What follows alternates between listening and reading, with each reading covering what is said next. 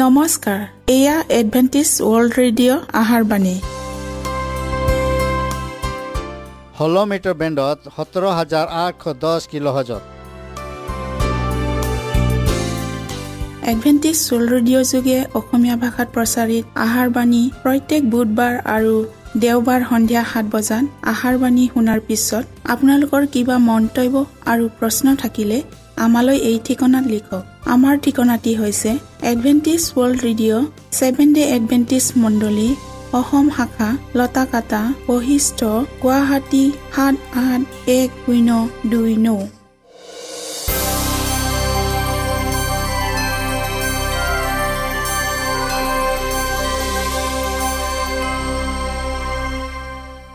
প্ৰিয় শ্ৰোতা বন্ধুসকল এতিয়া শুনো আহক এটি খ্ৰীষ্টীয় ধৰ্মীয় গীত। এতিয়া আমি প্ৰকাশিত বাক্যৰ তৃতীয় খণ্ডলৈ আহোঁ হওক। ইজেবল কোন আছিল? চিডোনৰ ৰজা এডবালৰ জীয়েক আছিল। সেইবিলাক বাল দেৱতাৰ উপাসক আছিল। তাই জিৰচালেমলৈ আহি নিজ ধৰ্মমতত অৰ্থাৎ তেতিয়াও বাল দেৱতাৰ প্ৰতি বিশ্বাসত অটুট হৈ আছিল। ক্ৰমান্বয়ে তাই ইছৰাইলবিলাকক মূৰ্তি পূজালৈ অৰ্থাৎ বাল দেৱতালৈ মন ঘূৰালে। তাৰ বাবে তেওঁ বাল দেৱতাৰ আঠশ পঞ্চাছজন পুৰোহিত জিৰচালেমলৈ অনাইছিল। ইজেবেলক ধৰ্মীয় বিধিবোৰ নিখুঁতভাৱে পূপৰ ধৰ্মীয় বিধিবোৰৰ প্ৰতীকস্বৰূপ আছিল। ইজেবলে নিজৰ গিৰিয়েক আহাব ৰজাক স্বধৰ্ম ত্যাগ কৰালে। তাই ঈশ্বৰৰ ভাওবাদী আৰু বিশ্বাসীবিলাকক তাৰণা কৰিছিল। তাই এজনী বেশ্যা আৰু মায়াবিনী আছিল। তাইৰ কুকৰ্মৰ বাবে তাইৰ ওপৰত ঈশ্বৰৰ হাও পৰিছিল। ইজেবল ৰুমিয়া মণ্ডলীৰ চাহস্বৰূপ আছিল। চাৰ্ডিছ মণ্ডলী অৰ্থাৎ অৱশিষ্ট মণ্ডলী। এই মণ্ডলী পোন্ধৰশ সোতৰ খ্ৰীষ্টাব্দৰ পৰা সোতৰশ পঁচপন্ন খ্ৰীষ্টাব্দলৈ বৰ্তি আছিল। ইউৰোপত ধৰ্ম সংস্কাৰৰ আৰম্ভণিত এই মণ্ডলীৰ উত্থান হৈছিল। কিয়নো এই মণ্ডলীৰ অধিক সংখ্যক বিশ্বাসী অপথে যোৱাত মণ্ডলী প্ৰায় মৃতপ্ৰায় হৈছিল। ফিলাডেলফিয়া মণ্ডলী ভাতৃপ্ৰেম এই মণ্ডলী সোতৰশ পঁচপন্ন খ্ৰীষ্টাব্দৰ পৰা ওঠৰশ চৌৰাল্লিছ খ্ৰীষ্টাব্দলৈ বৰ্তি আছিল। চাৰ্ডিছ আৰু ফিলাডেলফিয়া এই দুখন চহৰ সোতৰশ খ্ৰীষ্টাব্দত অগ্নেয়গিৰিৰ উদগিৰণৰ দ্বাৰাই ধ্বংসপ্ৰাপ্ত হৈ যায়। এক সামৰিক দুৰ্ঘটনাৰ ওপৰত ভিত্তি কৰি দ্বিতীয় আত্মালিয়া আৰু ইউমিনিছ নামৰ দুজন ককাইৰ ভাইৰ মাজত ফিলাডেলফাছ অকৃত্ৰিম মৰম চেনেহ প্ৰতিফলিত হোৱা বাবে এই ঠাইখনক ফিলাডেলফিয়া বুলি কোৱা হৈছে। আনহাতে বিশ্বব্যাপী খ্ৰীষ্টীয় ভাতৃপ্ৰেম গঢ়ি তুলিবলৈ এই সময়ৰ পৰাই বিশ্ব সুবাৰ্তা প্ৰচাৰৰ আন্দোলন আৰম্ভ হয়। উদাহৰণস্বৰূপে ইংলেণ্ডৰ উইলিয়াম কেৰী সোতৰশ পঁচপন্ন চনত পৰা ওঠৰশ চৌৰাল্লিছ খ্ৰীষ্টাব্দৰ মে' একত্ৰিছ তাৰিখে মিছনেৰী হৈ আমাৰ ভাৰতবৰ্ষলৈ আহে। ৰবাৰ্ট মফেট ওঠৰশ চাৰি খ্ৰীষ্টাব্দত আফ্ৰিকালৈ যায়। জন উইলিয়াম ওঠৰশ সাত খ্ৰীষ্টাব্দত দক্ষিণ মহাসাগৰৰ দ্বীপসমূহলৈ যায়। ডেভিড লিভিষ্টন ওঠৰশ চল্লিছ খ্ৰীষ্টাব্দত আফ্ৰিকালৈ যায়। ব্ৰিটিছ আৰু ফৰেইন বাইবেল ছ'চাইটি ওঠৰশ চাৰি খ্ৰীষ্টাব্দত স্থাপন হয়। এইখিনিতে এটা কথা মনত ৰাখিব লাগিব যে ওঠৰশ চৌৱাল্লিছ খ্ৰীষ্টাব্দই ফিলাডেলফিয়া মণ্ডলীৰ শেষ সময় ঠিক কৰাৰ পাছৰে পৰাই লাইডকীয়া মণ্ডলী আৰম্ভ হৈছে। লাইডকীয়া মণ্ডলী অৰ্থাৎ বিচাৰ আৰম্ভ। ওঠৰশ চৌৱাল্লিছ খ্ৰীষ্টাব্দৰ পৰা খ্ৰীষ্টীয়ৰ পুনৰ আগমন দিনলৈকে সাতোটা মণ্ডলীৰ ভিতৰত এই মণ্ডলীটোৱেই শেষ মণ্ডলী। গ্ৰীচৰ ৰজা দ্বিতীয় আন্টিয়কাছ তেওঁৰ ৰাণী লাউডিছৰ সন্মানাৰ্থে এইখন চহৰৰ নামাকৰণ কৰিছিল। এই চহৰখন লাইকাছ নদীৰ মধ্য উপত্যকাত অৱস্থিত আছিল। জোহনৰ দিনত লাইডেকিয়া এখন উন্নতশীল বেহা বেপাৰৰ কেন্দ্ৰস্থল আছিল। ইয়াৰ ওচৰৰ পৰা কিছু দূৰত কলচিয়া আৰু হিৰিয়াপলিছ নামৰ দুখন নগৰ আছিল। এই নগৰবোৰত অনেক সংখ্যক খ্ৰীষ্টিয়ান সিঁচৰিত হৈ আছিল। প্ৰকাশিত বাক্য পুস্তকখন লিখা সময়ত খুব সম্ভৱ ফিলাডেলফিয়া চহৰখন স্থাপন হোৱা প্ৰায় দুকুৰি বছৰ পাৰ হৈ গৈছিল। পৌলে এই তিনিওখন চহৰত থকা বিশ্বাসীবিলাকৰ প্ৰতি বিশেষ যত্ন লোৱা দেখা গৈছিল। তেওঁবিলাকক পৰস্পৰে পত্ৰৰেও আদান প্ৰদান কৰি মণ্ডলীত পাঠ কৰিবলৈ উদগাইছিল। এই চহৰখন বিশেষকৈ তিনিটা ব্যৱসায়ত অতি বিখ্যাত আছিল। বেংক বা ভঁৰাল অৰ্থাৎ ধনৰ ভঁৰাল বহুত আছিল। চকু কাণ আৰু নাকৰ চিকিৎসালয় আৰু বস্ত্ৰশিল্পৰ প্ৰতিষ্ঠানবোৰ আছিল। বিশেষকৈ ঊলৰ বস্ত্ৰ উৎপাদন অধিক কৰিছিল। এই লাভজনক প্ৰতিষ্ঠানবোৰৰ কাৰণে তাৰ মানুহে ধৰ্মক সমূলি বাদ নিদিলেও ধনৰ প্ৰতিও লোভ কম নাছিল। সেয়ে যীশুৱে ইয়াৰ লোকবিলাকক কৈছিল তোমালোক তপতো নোহোৱা অৰ্থাৎ সম্পূৰ্ণ বিশ্বাসীও নোহোৱা আৰু চেঁচাও নোহোৱা অৰ্থাৎ সম্পূৰ্ণ অবিশ্বাসীও নোহোৱা। এই হেতুকে মই তোমাক বটিয়াই পেলাবলৈ উদ্যত আছো। উক্ত বিষয়টো আলোচনা কৰাৰ পূৰ্বে পুনৰাই কওঁ লাইডকিয়া চহৰখনত উচ্চতা অনেক গৰম পানীৰ উহ আছিল। সেই গৰম পানীবোৰ বৈ আহি তলি পাই চেঁচা হৈ যোৱাৰ আগতে মাজভাগত কুহুমীয়া হৈ গৈছিল। সেই কুহুমীয়া পানী পি খোৱাৰ উপযুক্ত নাছিল। তদ্ৰুপ আছিল তাৰ বিশ্বাসীবিলাকৰ আত্মিক অৱস্থা। তথাপিও সিবিলাকে নিজ জ্ঞান আৰু ধনৰ বলত অধিক গৰ্বিত হৈ পৰিছিল। কিন্তু যীশুৱে সিবিলাকৰ আত্মিক বিষয়বোৰৰ দুৰ্বলতাবোৰ দেখুৱাই যেনে বা ধনৰ ভঁৰাল থাকিলেও তোমালোক দুৰ্ভগীয়া দিনহীন আৰু দৰিদ্ৰ।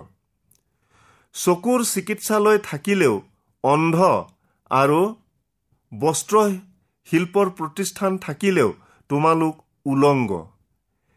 এতেকে সিবিলাকক আত্মিক বিষয়ত অধিক অধিককৈ বৃদ্ধি পাবলৈ তেওঁ কি বুদ্ধি দিছে উক্ত শাস্ত্ৰ পদবিলাকত পঢ়ি চাওক। এই লাইদকীয়া মণ্ডলীৰ আত্মিক দুৰৱস্থাৰ দৰে আজি আমাৰ অৱশিষ্ট বা শেষ মণ্ডলীৰ আত্মিক দুৰৱস্থাও কোনো গুণেই কম নহয়। প্ৰিয় শ্ৰোতা বন্ধুসকল আহক আমি খন্তেক সময় বাইবেল অধ্যয়ন কৰোঁ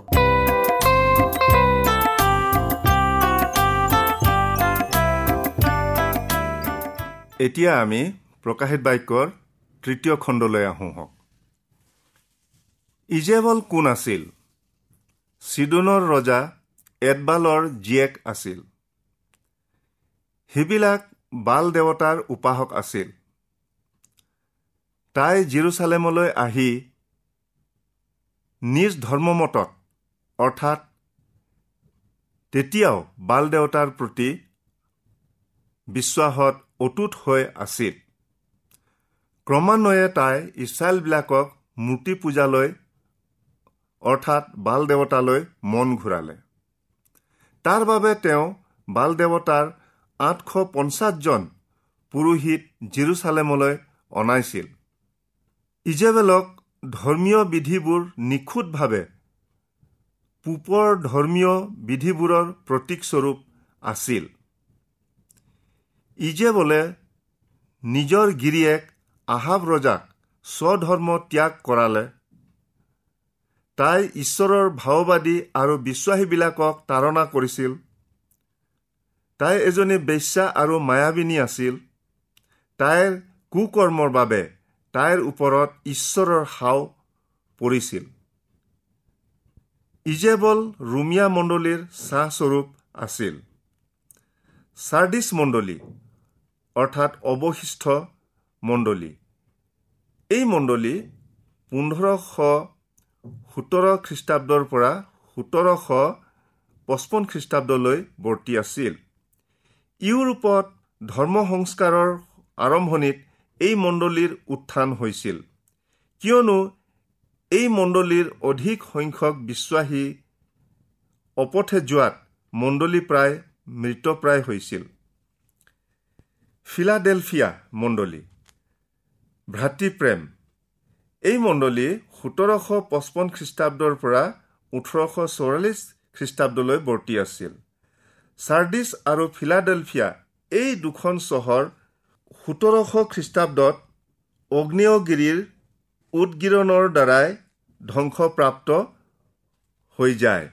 এক সামৰিক দুৰ্ঘটনাৰ ওপৰত ভিত্তি কৰি দ্বিতীয় আত্মালিয়া আৰু ইউমিনিছ নামৰ দুজন ককাইৰ ভাইৰ মাজত ফিলাডেলফাছ অকৃত্ৰিম মৰম চেনেহ প্ৰতিফলিত হোৱা বাবে এই ঠাইখনক ফিলাডেলফিয়া বুলি কোৱা হৈছে। আনহাতে বিশ্বব্যাপী খ্ৰীষ্টীয় ভাতৃপ্ৰেম গঢ়ি তুলিবলৈ এই সময়ৰ পৰাই বিশ্ব সুবাৰ্তা প্ৰচাৰৰ আন্দোলন আৰম্ভ হয়। উদাহৰণস্বৰূপে ইংলেণ্ডৰ উইলিয়াম কেৰী সোতৰশ পঁচপন্ন চনৰ পৰা ওঠৰশ চৌৰাল্লিছ খ্ৰীষ্টাব্দৰ মে' একত্ৰিছ তাৰিখে মিছনেৰী হৈ আমাৰ ভাৰতবৰ্ষলৈ আহে। ৰবাৰ্ট মফেট ওঠৰশ চাৰি খ্ৰীষ্টাব্দত আফ্ৰিকালৈ যায়। জন উইলিয়াম ওঠৰশ সাত খ্ৰীষ্টাব্দত দক্ষিণ মহাসাগৰৰ দ্বীপসমূহলৈ যায়। ডেভিড লিভিষ্টন ওঠৰশ চল্লিছ খ্ৰীষ্টাব্দত আফ্ৰিকালৈ যায়। ব্ৰিটিছ আৰু ফৰেইন বাইবেল ছ'চাইটি ওঠৰশ চাৰি খ্ৰীষ্টাব্দত স্থাপন হয়। এইখিনিতে এটা কথা মনত ৰাখিব লাগিব যে ওঠৰশ চৌৰাল্লিছ খ্ৰীষ্টাব্দই ফিলাডেলফিয়া মণ্ডলীৰ শেষ সময় ঠিক কৰাৰ পাছৰে পৰাই লাইডকীয়া মণ্ডলী আৰম্ভ হৈছে। লাইডকীয়া মণ্ডলী অৰ্থাৎ বিচাৰ আৰম্ভ। ওঠৰশ চৌৰাল্লিছ খ্ৰীষ্টাব্দৰ পৰা খ্ৰীষ্টীয়ৰ পুনৰ আগমন দিনলৈকে সাতোটা মণ্ডলীৰ ভিতৰত এই মণ্ডলীটোৱেই শেষ মণ্ডলী। গ্ৰীচৰ ৰজা দ্বিতীয় আন্টিয়কাছ তেওঁৰ ৰাণী লাউডিছৰ সন্মানাৰ্থে এইখন চহৰৰ নামাকৰণ কৰিছিল। এই চহৰখন লাইকাছ নদীৰ মধ্য উপত্যকাত অৱস্থিত আছিল। জোহনৰ দিনত লাইডেকিয়া এখন উন্নতশীল বেহা বেপাৰৰ কেন্দ্ৰস্থল আছিল। ইয়াৰ ওচৰৰ পৰা কিছু দূৰত কলচিয়া আৰু হিৰিয়াপলিছ নামৰ দুখন নগৰ আছিল। এই নগৰবোৰত অনেক সংখ্যক খ্ৰীষ্টিয়ান সিঁচৰিত হৈ আছিল। প্ৰকাশিত বাক্য পুস্তকখন লিখা সময়ত খুব সম্ভৱ ফিলাডেলফিয়া চহৰখন স্থাপন হোৱা প্ৰায় দুকুৰি বছৰ পাৰ হৈ গৈছিল।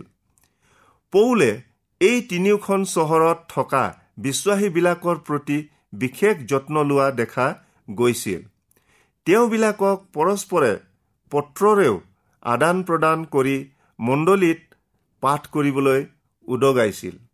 এই চহৰখন বিশেষকৈ তিনিটা ব্যৱসায়ত অতি বিখ্যাত আছিল। বেংক বা ভঁৰাল অৰ্থাৎ ধনৰ ভঁৰাল বহুত আছিল। চকু কাণ আৰু নাকৰ চিকিৎসালয় আৰু বস্ত্ৰশিল্পৰ প্ৰতিষ্ঠানবোৰ আছিল। বিশেষকৈ ঊলৰ বস্ত্ৰ উৎপাদন অধিক কৰিছিল। এই লাভজনক প্ৰতিষ্ঠানবোৰৰ কাৰণে তাৰ মানুহে ধৰ্মক সমূলি বাট নিদিলেও ধনৰ প্ৰতিও লোভ কম নাছিল। সেয়ে যীশুৱে ইয়াৰ লোকবিলাকক কৈছিল তোমালোক তপতো নোহোৱা অৰ্থাৎ সম্পূৰ্ণ বিশ্বাসীও নোহোৱা আৰু চেঁচাও নোহোৱা অৰ্থাৎ সম্পূৰ্ণ অবিশ্বাসীও নোহোৱা। এই হেতুকে মই তোমাক বটিয়াই পেলাবলৈ উদ্যত আছো। উক্ত বিষয়টো আলোচনা কৰাৰ পূৰ্বে পুনৰাই কওঁ লাইডকীয়া চহৰখনত উচ্চতা অনেক গৰম পানীৰ উহ আছিল। সেই গৰম পানীবোৰ বৈ আহি তলি পাই চেঁচা হৈ যোৱাৰ আগতে মাজভাগত কুহুমীয়া হৈ গৈছিল। সেই কুহুমীয়া পানী পি খোৱাৰ উপযুক্ত নাছিল। তদ্ৰুপ আছিল তাৰ বিশ্বাসীবিলাকৰ আত্মিক অৱস্থা। তথাপিও সিবিলাকে নিজ জ্ঞান আৰু ধনৰ বলত অধিক গৰ্বিত হৈ পৰিছিল। কিন্তু যীশুৱে সিবিলাকৰ আত্মিক বিষয়বোৰৰ দুৰ্বলতাবোৰ দেখুৱাই যেনে বা ধনৰ ভঁৰাল থাকিলেও তোমালোক দুৰ্ভগীয়া দিনহীন আৰু দৰিদ্ৰ। চকুৰ চিকিৎসালয় থাকিলেও অন্ধ আৰু বস্ত্ৰ শিল্পৰ প্ৰতিষ্ঠান থাকিলেও তোমালোক উলংগ। এতেকে সিবিলাকক আত্মিক বিষয়ত অধিক অধিককৈ বৃদ্ধি পাবলৈ তেওঁ কি বুদ্ধি দিছে উক্ত শাস্ত্ৰ পদবিলাকত পঢ়ি চাওক। এই লাইদকীয়া মণ্ডলীৰ আত্মিক দুৰৱস্থাৰ দৰে আজি আমাৰ অৱশিষ্ট বা শেষ মণ্ডলীৰ আত্মিক দুৰৱস্থাও কোনো গুণেই কম নহয়।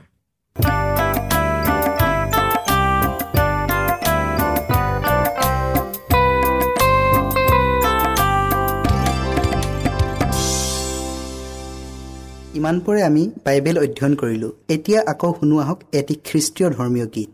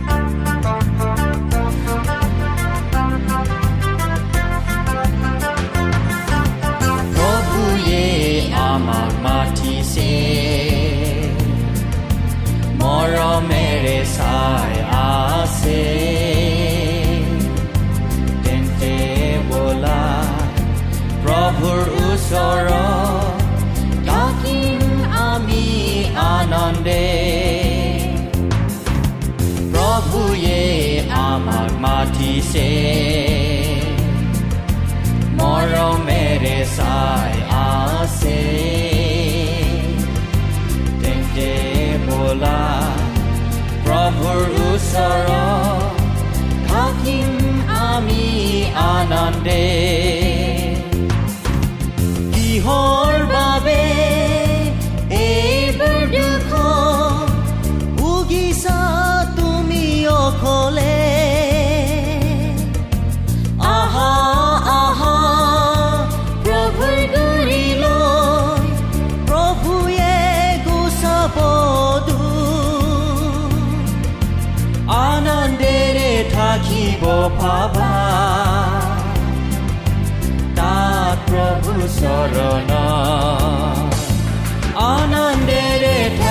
পাবা তাত প্ৰভু চৰণ প্ৰভুয়ে আমাক মাতিছে মৰমেৰে চাই আছে তেন্তে বোলা প্ৰভুৰ ওচৰত আমি আনন্দে। তোমাৰ দুখবোৰ তোমাৰ যাতনা এৰি দিয়া প্ৰভুৰ হাত। মিছাতে তুমি এইবোৰ ভুগিছা পাপই সমুদ্ৰৰ মাজত। বচাব তাতে তুমি শান্তি পাবা প্ৰভুয়ে তোমাক বচাব তাতে তুমি শান্তি পাবা